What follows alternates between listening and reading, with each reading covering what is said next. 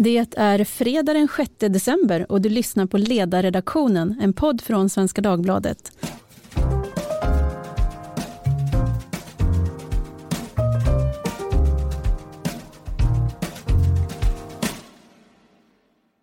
Jag heter Tove Livendal och idag ska vi tala om satiren och humors betydelse när det handlar om politik. Är humorn ett viktigt vapen som politiker? Är humor ett viktigt vapen mot politiker? Och vad får man egentligen säga i det här landet? Det ska vi diskutera idag med Henrik Jönsson, entreprenör som också numera kan etikettera sig youtuber och satiriker och som sedan i september varje vecka levererar videounderhållningen Veckans facit. Välkommen! Tack så mycket! Här sitter också Karl Rudbeck, litteraturvetare, skribent och kritiker. Välkommen tillbaka till podden. Tack för det! Och här har jag också min kollega och ledarskribent Katarina Karkinen. Välkommen! Tack! Ja, innan vi pratar om det här med satiren så måste vi ändå riva av den här frågan som ändå just idag ligger väldigt högt upp i nyhetsbevakningen, nämligen misstroendevotum. Vad händer där? Har ni någon kommentar? Kalle? Kanske blir misstroendevotum, men regeringen kommer inte att avgå. De vågar inte riskera ett extraval. Varför då? För opinionssiffrorna som de ser ut. Mm. Och sen också det svenska systemet att det är fasta valperioder. Det gör att extraval blir en allt mera, en omöjlig lösning. Om det vore fyra år fyraårsmandat, kanske, men inte som den svenska konstitutionen ser ut. Är det någon som har en avvikande mening? Ja, men alltså, vi är här för att prata om humor. Alltså, hur, hur ska du på annat sätt betrakta ett läge där Vänsterpartiet tillsammans med Moderaterna fäller ett privatiseringsförslag. Alltså, det, det är jätte, jättemärkligt. Nej, det är bara illustrerat. Politics make strange bedfellows. ja, och det här, these are the strangest so far, ja, I'd say. Ja. you ain't seen nothing yet, som Margaret Thatcher sa, säger jag då. då ja, om vi ska prata om det här med politisk satir då. Jag var och slog på Wikipedia, stod det politisk satir är en form av satir som riktar sig mot de politiska makthavarna. Eh, politisk satir har nödvändigtvis ingen politisk agenda i sig utan målet är primärt att roa men det kan ändå effektivt visa på det absurda i olika politiska beslut och belysa orättvisor och maktfullkomlighet vilket kan användas politiskt. Henrik, kan inte du berätta lite hur du tänker kring det här med veckans facit? Varför, varför kom den här idén upp och hur går det till när ni bestämmer hur ni ska göra de här programmen? Ja men vet du, alltså, jag tror ju att det finns en speciell sorts kraft som man kan använda genom humor för att du når en annan del av mottagaren och du har vanlig kommunikation där du överför information eller en, en position. Om du lyckas få någon att få den här kognitiva dissonansen som det är när två olika idéer möts i huvudet och det frigörs genom ett skratt. Man, man exponerar eller skapar någon slags så känslomässig kommunikation då som är rätt slagkraftig, som kan vara mer slagkraftig när man sitter och gör en väldigt vederhäftig redogörelse. Så att min lilla foray in i att göra komik kom ju från min egen uppskattning av politisk satir och jag vill gärna försöka göra det. Så att eh, då har jag ju eh, min kompis Marcus som är komiker och vi går långa promenader tillsammans och pratar om politik. Och eftersom allting är så himla konstigt nu så är det, alltså det är väldigt lätt att hitta komik i det politiska läget i, i Sverige.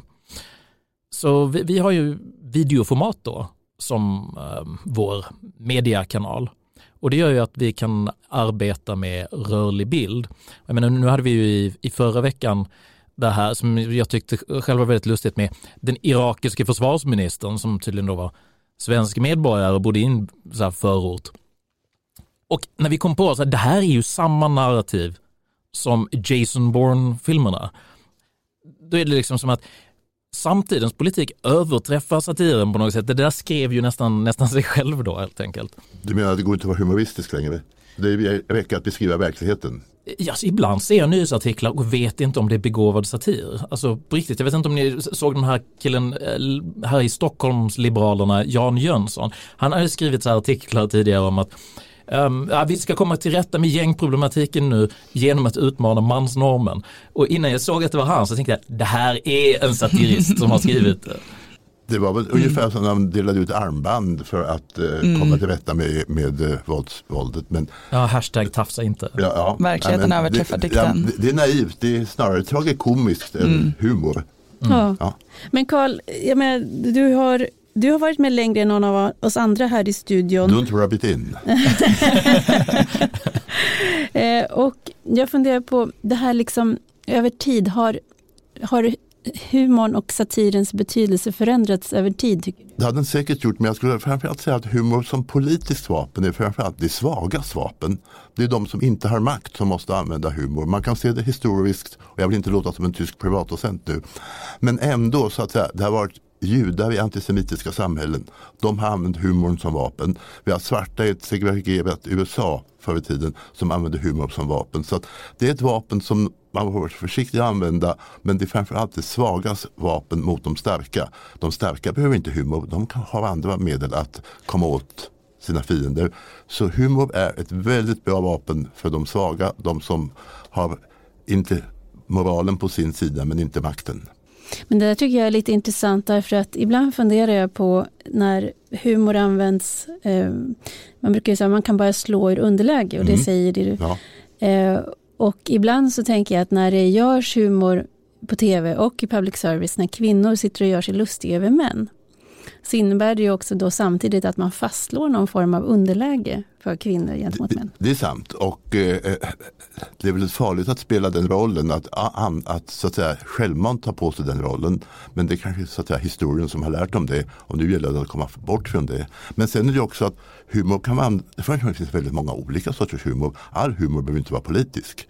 Vi kan ta, bara för ett svenskt exempel, Povel Ramel är en av de största svenska humoristerna. Han var ett svenskt geni, men han var ju sällan elak eller, satir, eller politisk. Men däremot så är det, alla kan inte använda all sorts humor. Ta ett exempel som, ja vi kan ta Eddie Murphy i USA, om, jag vet inte om unga människor känner till honom fortfarande, eller Woody Allen. De kan använda skämt som, skulle jag använda dem, skulle de anses vara rasistiska, men de kan använda det. Det finns en berömd film där det är någon svart komiker som går och talar, kallar sina svarta vänner för det som numera heter n-ordet. Och så kommer en vit kille och försöker härma det och han blir naturligtvis närmast lynchad. Så att humor är ett vapen men man måste vara försiktig. Alla kan inte använda humor, samma humor hela tiden. Utan det där är väldigt eh, lokalt bestämt. Det där som du sa nu om, om eh, jag vet inte om alla känner till. Eh, Katarina, du är ju då kanske får man säga, den yngsta här i studion och vi har ju eh, ganska, vi har ju 20 år emellan oss. Mm. Så att vi har ju inte samma referensramar, vi har inte sett samma saker på tv och allting sånt där. Vad tycker du är roligt? Vad, vilken sorts humor uppskattar du? Oj, det är... Katarina, det är nu du ska säga till henne, okej okay, boomer. Exakt, inte chefens skämt i alla fall. ja, men det är sånt där som, det är svårt att teoretisera kring, även som 25-åring så är det lätt att låta som som en gammal farbror när man ska försöka förklara vad som är roligt och eh, på vilket sätt. Men man märker att det finns generationsklyftor eh, och på, på, många olika håll.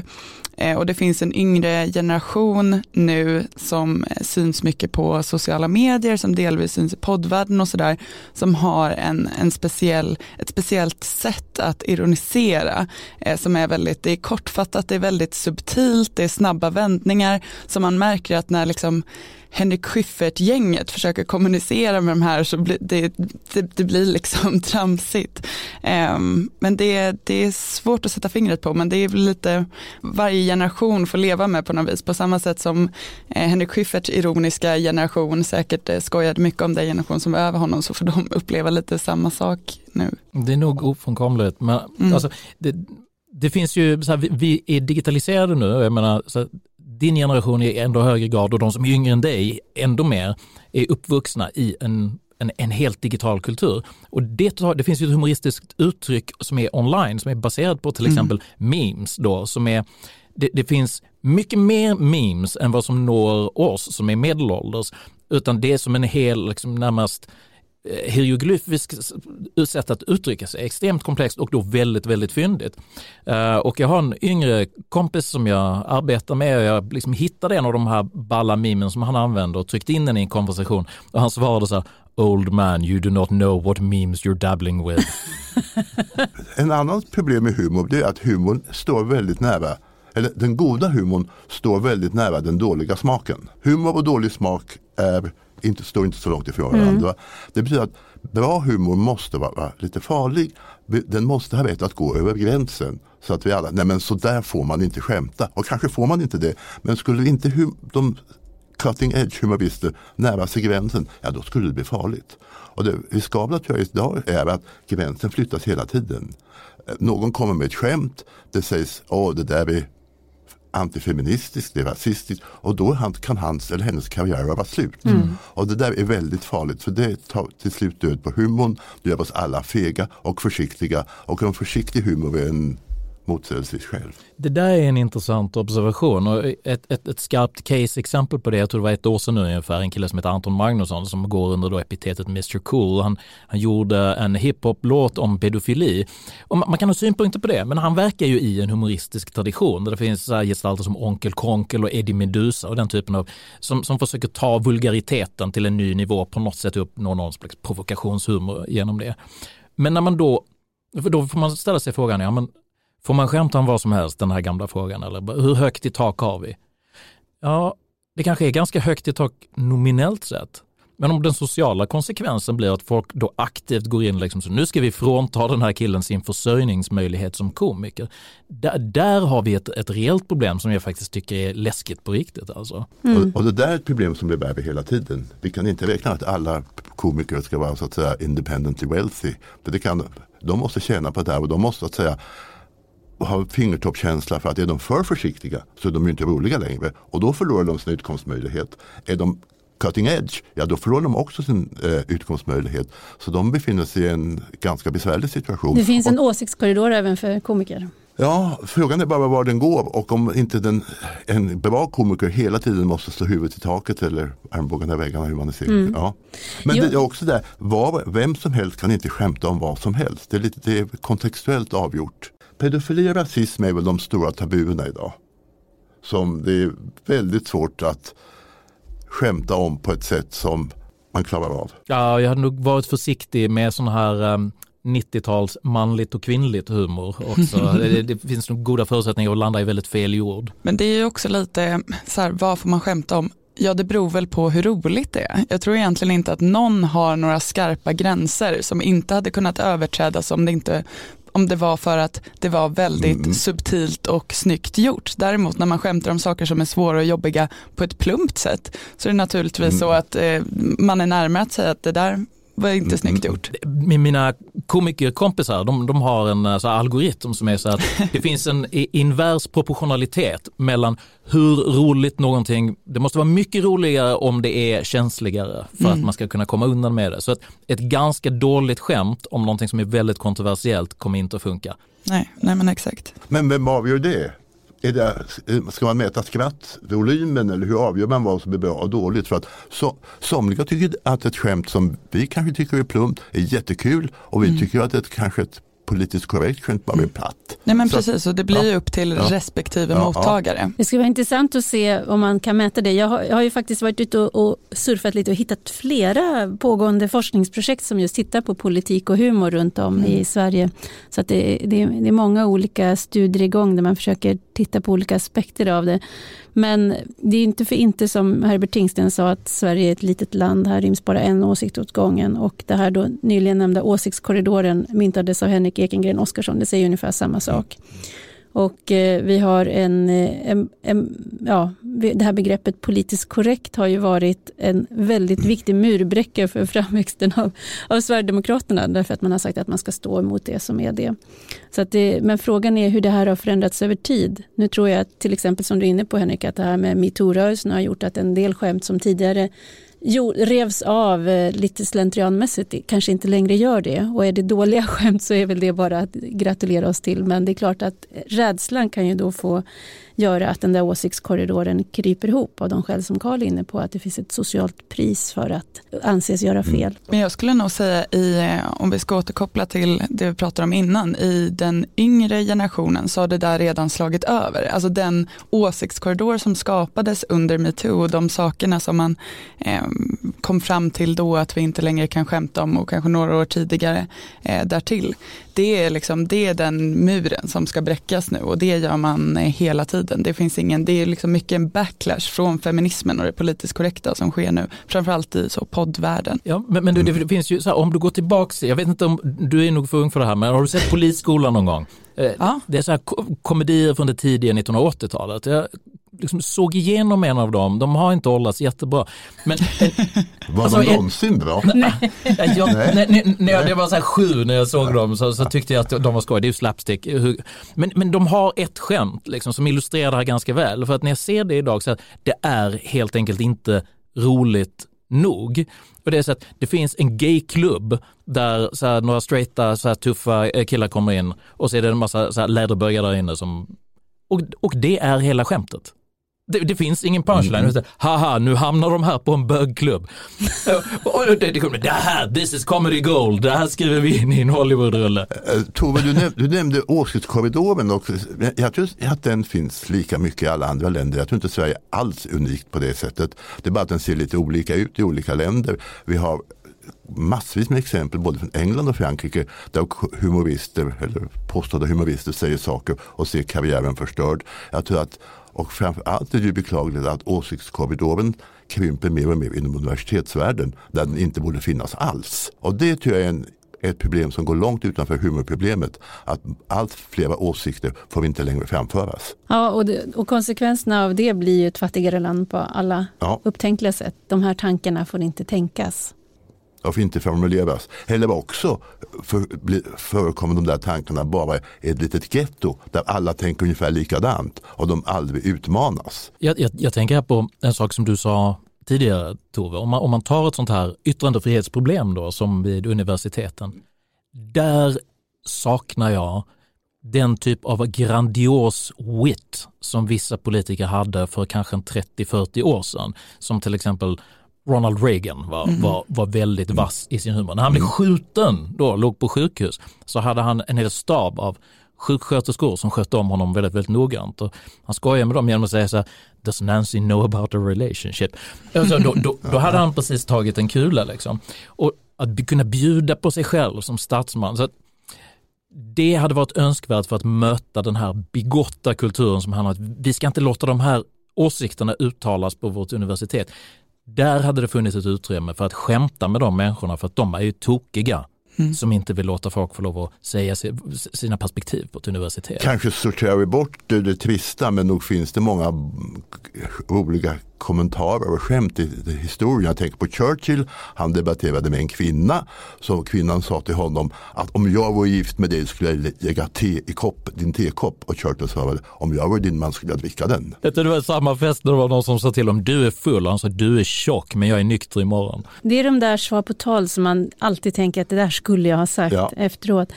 Men det, det är väl så att får vi ett offentligt samtal där det uppfattas farligt att uttrycka vissa saker, vissa skämt, då blir det mer av det här med trygga rum, att man drar sig till det. Jag tänker på det här, sen finns det ju fortfarande den här generationsfrågan eh, i vad, hur man bara för sig mellan människor som egentligen kanske inte har så mycket med humor att göra. Leif Mannerström berättade för mig att han hade klivit in i en hiss en gång och där stod en kvinna och han frågade henne vilken våning ska du till därför att han ansåg det artigt att hjälpa henne att trycka på knappen. Det har inte du med att göra. var hennes svar. Och han blev så förbluffad över att han, han kände sig väldigt så här, urtida. Att på min tid då gjorde man det, det var artigt. Ma- Man kan vända på det vapnet också. Jag hade en kompis som eh, var inne i en new age bokhandel av vad han skulle köpa en presentbok. Och eh, han lyssnade på en, en tjej som, eh, eh som var wicca-häxa som stod och pratade med personalen. Så att ja, jag håller på med häxkonster. Han fnissade lite grann för sig själv för att han, han, han tror inte på sånt själv. Och hon gick och attackerade honom och sa du, jag ser på din aura att du är en väldigt olycklig person. Varpå han replikerade, du ska ge fan i min aura. Det är en privat sak liksom. Och det, det är ju roligt att äg, äga frågan på, liksom, jag ifrågasätter inte hela den här aura-grejen. Uppskattar inte att du tittar på den. Men, men har vi också lite grann ett problem med att seriositet är ju ett, så att säga, ett honnörsord i Sverige. Att om någonting är allvarligt så är det nästan definitionsmässigt finare och bättre än humor. Och det, det är väl lite tråkigt. Och humor, den mån jag följer riksdagsdebatterna, så är humor inte ett vanligt vapen där. Göran Hägglund var ju vass på det där. Kommer du ihåg när han, när han sa till, eh, när de debatterade sex timmars arbetsdag så klämde han till Fridolin så här med fråga honom först, han måste snart gå hem. Ja, nej, men, Men om det, förlåt mig, men om detta är den svenska humorn, ja, då ligger vi illa till. Finns det några duktiga eh, humorister bland politikerna idag? Har ni någon förebild? Eller någon som Donald Trump. Berätta. Ja, men han, alla tar honom på så stort allvar. Han driver ju med folk hela tiden. Han skrattsalvor. Så att han är en humorist. Lyssna på honom som en satiriker, inte som en seriös, enbart seriös politiker. När han åkte till sjukhuset så hade han ingen slips på sig och då sa han han är dödssjuk. Då sa han bara, nej det var bara det, jag skulle genast ta av mig skjortan för att visa mitt magnifika, mitt magnifika bröst. Och då blev alla väldigt indignerade, men det var ju humor, skratta åt det. Alltså, jag, jag, är, jag, är, helt med på din linje här. Alltså, jag, jag, hade också Trump på min lista över kontemporära politiker. Som, man, man måste nästan se det som, titta konkreta exempel. I'm a very stable genius. Ja. Alltså, det är en extremt rolig mening. Tro inte för en sekund att han är, är, är så bizarr så att han inte inser att det finns en kul. Han trollar ju när han skriver de här mm. grejerna. Mm. Och skämten blir på vår bekostnad ja. som inte kan hantera det. Man... Han, han skriver fel med tummarna ja, liksom, och skriver istället för, för uh, who, who is in spite of all the bad press Kofefe. Och det blev liksom, det blev superviralt och folk hittade på sig Kofefe, det är någon slags demon ja. som han... Och, och, och, och, sen du så, så använda det här för, för, att reta folk. Och han säger då till exempel Pocahontas istället för Elizabeth Warren. Och då vet han att sex stycken panelister på CNN kommer skumma raseri över detta. Och det tycker vi andra är jättekul. Mm. Mm. Så det är dubbelt roligt. Ja, man äger det lite grann. Om man kollar på, där är faktiskt en bra, bra analog. Om man tittar på kampanjen som Hillary drev samtidigt med, med, med Trump. Mm. Liksom. Hon är fullblodsproffs eh, på hur mm. man sköter den sortens kampanj och, och ganska livlös jämfört med Trump då som är vulgär och mm. oerhört slängig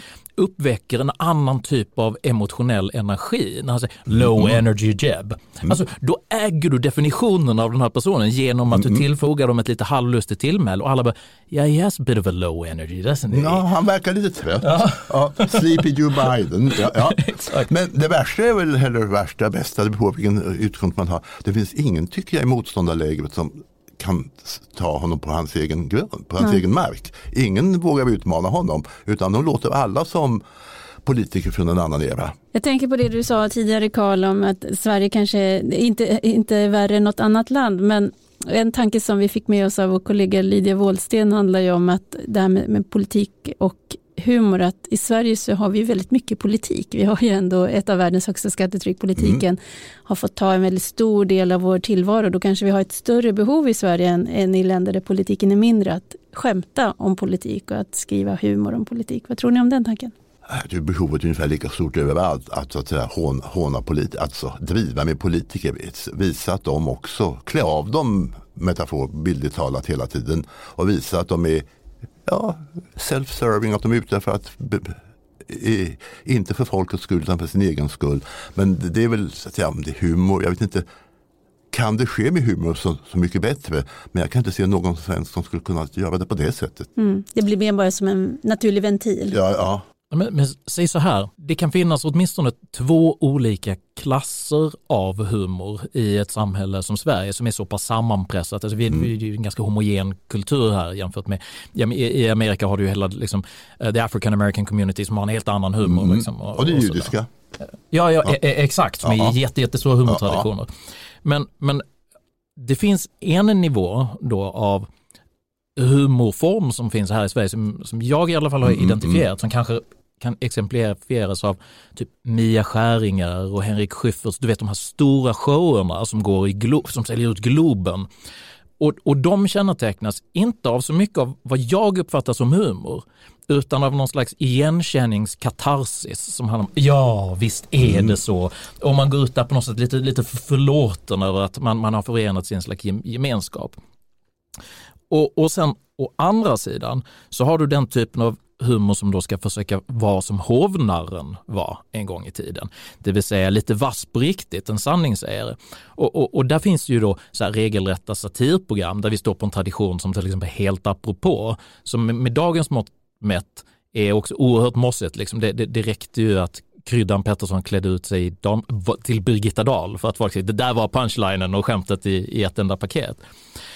Men de som verkligen är hovnarrar, det är igen, det är folk som är på nätet som är subversiva på riktigt, som är jobbiga på Twitter för att de säger någonting som är svårt att komma undan mm. och, och, och där, då får du som motreaktion, jag tycker inte om den här tonen. Nej, men vet du vad, tror du att kung Henrik den åttonde tyckte om tonen på sin hovnar? Alltså, mm. det är att, att kunna underhålla hovet på något sätt genom att vara obekväm på det sättet och navigera det spelet utan att bli schavoterad. Det är den riktiga humorn. Humor och politisk satir hänger lite hemma, hänger samman. Vi hade ju Hasse och Tage förut som var mm. riktigt bra på det. Och om man går till historia, Candida, Voltaire mm. eh, till exempel och i USA Tom Wolfe som skrev, eh, skrev politisk satir både i romanform och reportage. Och den politiskt skrivna politiska satiren saknar jag.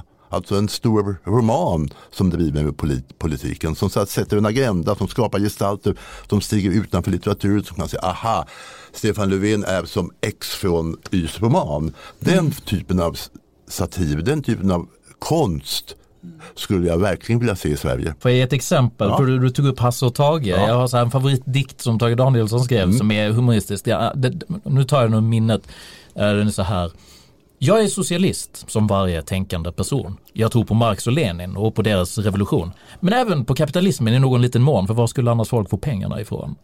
Den är, det är så här highbrow ja, humor. Men, men, men de, Hasse och Tage var ju trots allt i, i grund och botten väldigt snälla. Ja. ja. de vill inte åt någon. Vill, en, udd, sat, en satir med udd, det skulle jag verkligen vilja se i Sverige. Jo, det, och det saknas ju det formatet som du var inne på, men det finns ju på lite andra Exakt, platser ja. ändå. Jag tänker, för den, din ursprungliga fråga Tove, att det är ändå där i ett samhälle där så mycket är politik och det politiska samtalet kanske ibland kan upplevas som lite ja, men trist och sammanpressat så finns det ju ett behov av att slänga in ett gäng liksom brandfacklor eh, i debatten. Jag tänker på eh, när Grotesco skojade om flyktingkrisen eller de här Freud and Slip Production som gör filmer på YouTube mm. om eh, SVT mm. och samtalsklimatet och sådär. Det är liksom förlösande på ett sätt som gör att vi kan kollektivt andas ut att vad skönt att någon erkände det här om mm. det politiska mm. samtalet nu. Absolut och just den här Freud and Slip Productions har gjort mm. några som jag tycker är helt geniala. Det är en där de har låtit en helt normal svensk kille prova på det här med hederskultur och mm. implementera det i hela sin vardag på sin omgivning. Och jag tänker att den hade ju varit himla bra om den hade kommit för tio år sedan så att man mm. kunde ha satt det, den undfallenhet som har funnits gentemot mm. det fenomenet kunnat säga bara, men vet ni om det här var om vi, om vi bortser från etnicitet och ursprung och bara tittar på beteende, tycker vi att det här är okej okay eller inte? Mm. Och så skulle det mm. framstå som, som absurt det blir när tjejen inte vill gifta sig med granngossen och, och eh, pappan säger att då får han att skaffa ett hus med balkong. Ja, grannen kommenterar så här, då blir, då blir det blodshämt tydligen. då blir det det. Men eh, jag skulle bara vilja haka på, för jag tycker att Katarina, du sätter fingret på någonting som, är, som jag, jag, jag tror faktiskt är ett globalt fenomen. För att nu har vi en mediekultur som är så extremt snabb och digitaliserad att det är väldigt svårt att vara i en politisk roll för att minsta komma du gör fel blir du söndersliten av direkt. Och det politiska etablissemangets gensvar på det här har blivit att verkligen fokusgruppa talking points ner så att du ska vara så skyddad som möjligt från att råka säga någonting som landar snett. Men det gör också att samtalen blir väldigt förutsägbara och väldigt ointressanta för, för lyssnarna och det känns opersonligt. Igen, att, att, att Trump dundrar fram och är väldigt oförsiktig är en del av framgångsreceptet för att man känner att här finns en riktig person bakom det här. Även om det är en knäpp person så är det i alla fall någon, någonting mer. Mm. Mm. Ja, men jag, jag, tror verkligen att du har rätt där. Hörni, det börjar bli dags att runda av. Det är ju fredag och då måste vi naturligtvis ställa den obligatoriska fredagsfrågan. Ni får berätta vad ni gör i helgen och om ni har något tips på något att se, läsa, göra eller uppleva eller skratta åt. Katarina, vill du börja? Eh, jag ska åka hem till Aneby och vara hundvakt åt eh, vår lilla familjehund.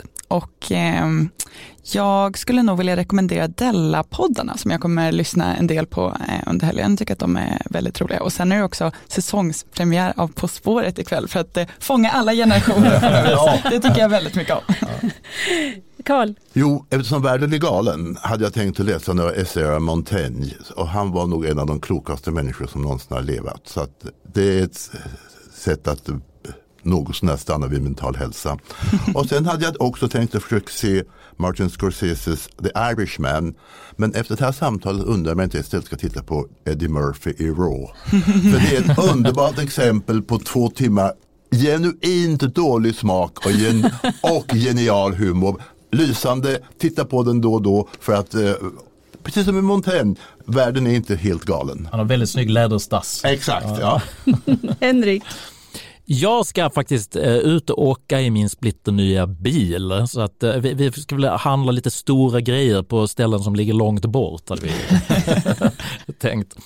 Eh, sen så, så här, min lilla spaning eller uppmaning då det är att um, titta på julkalendern för att den är som eh, en, en psykoanalys över SVTs egen identitetskris just nu. Jultomten är SVT. Titta på den, det är min rekommendation, med mm. det i bakhuvudet. Roligt. Och det är ju också temat kan vi säga för veckans facit som i detta nu håller på att rulla ut eh, till allmänheten. Ja, precis. Och där, mm. där har ni det riktiga facit. På precis där den. har vi det, precis. Ja, själv ska jag åka till mitt hem på Gotland och baka pepparkakor, det tror jag är adventsprojektet. Och också inför den här podden så satt jag faktiskt också och eh, tittade på en del humor på, eh, ute på nätet och det finns ju väldigt mycket roligt. Så det är väl ett tips för att det är lite dystert nu. Det är mörkt på många plan och då kan man behöva pigga upp sig. Stort tack till eh, Henrik Jönsson, Karl Rudbeck, Katarina Karkiainen och tack till er som har lyssnat. Hör av er om ni har frågor eller funderingar till ledarsidan svd.se. Tack för idag och trevlig helg!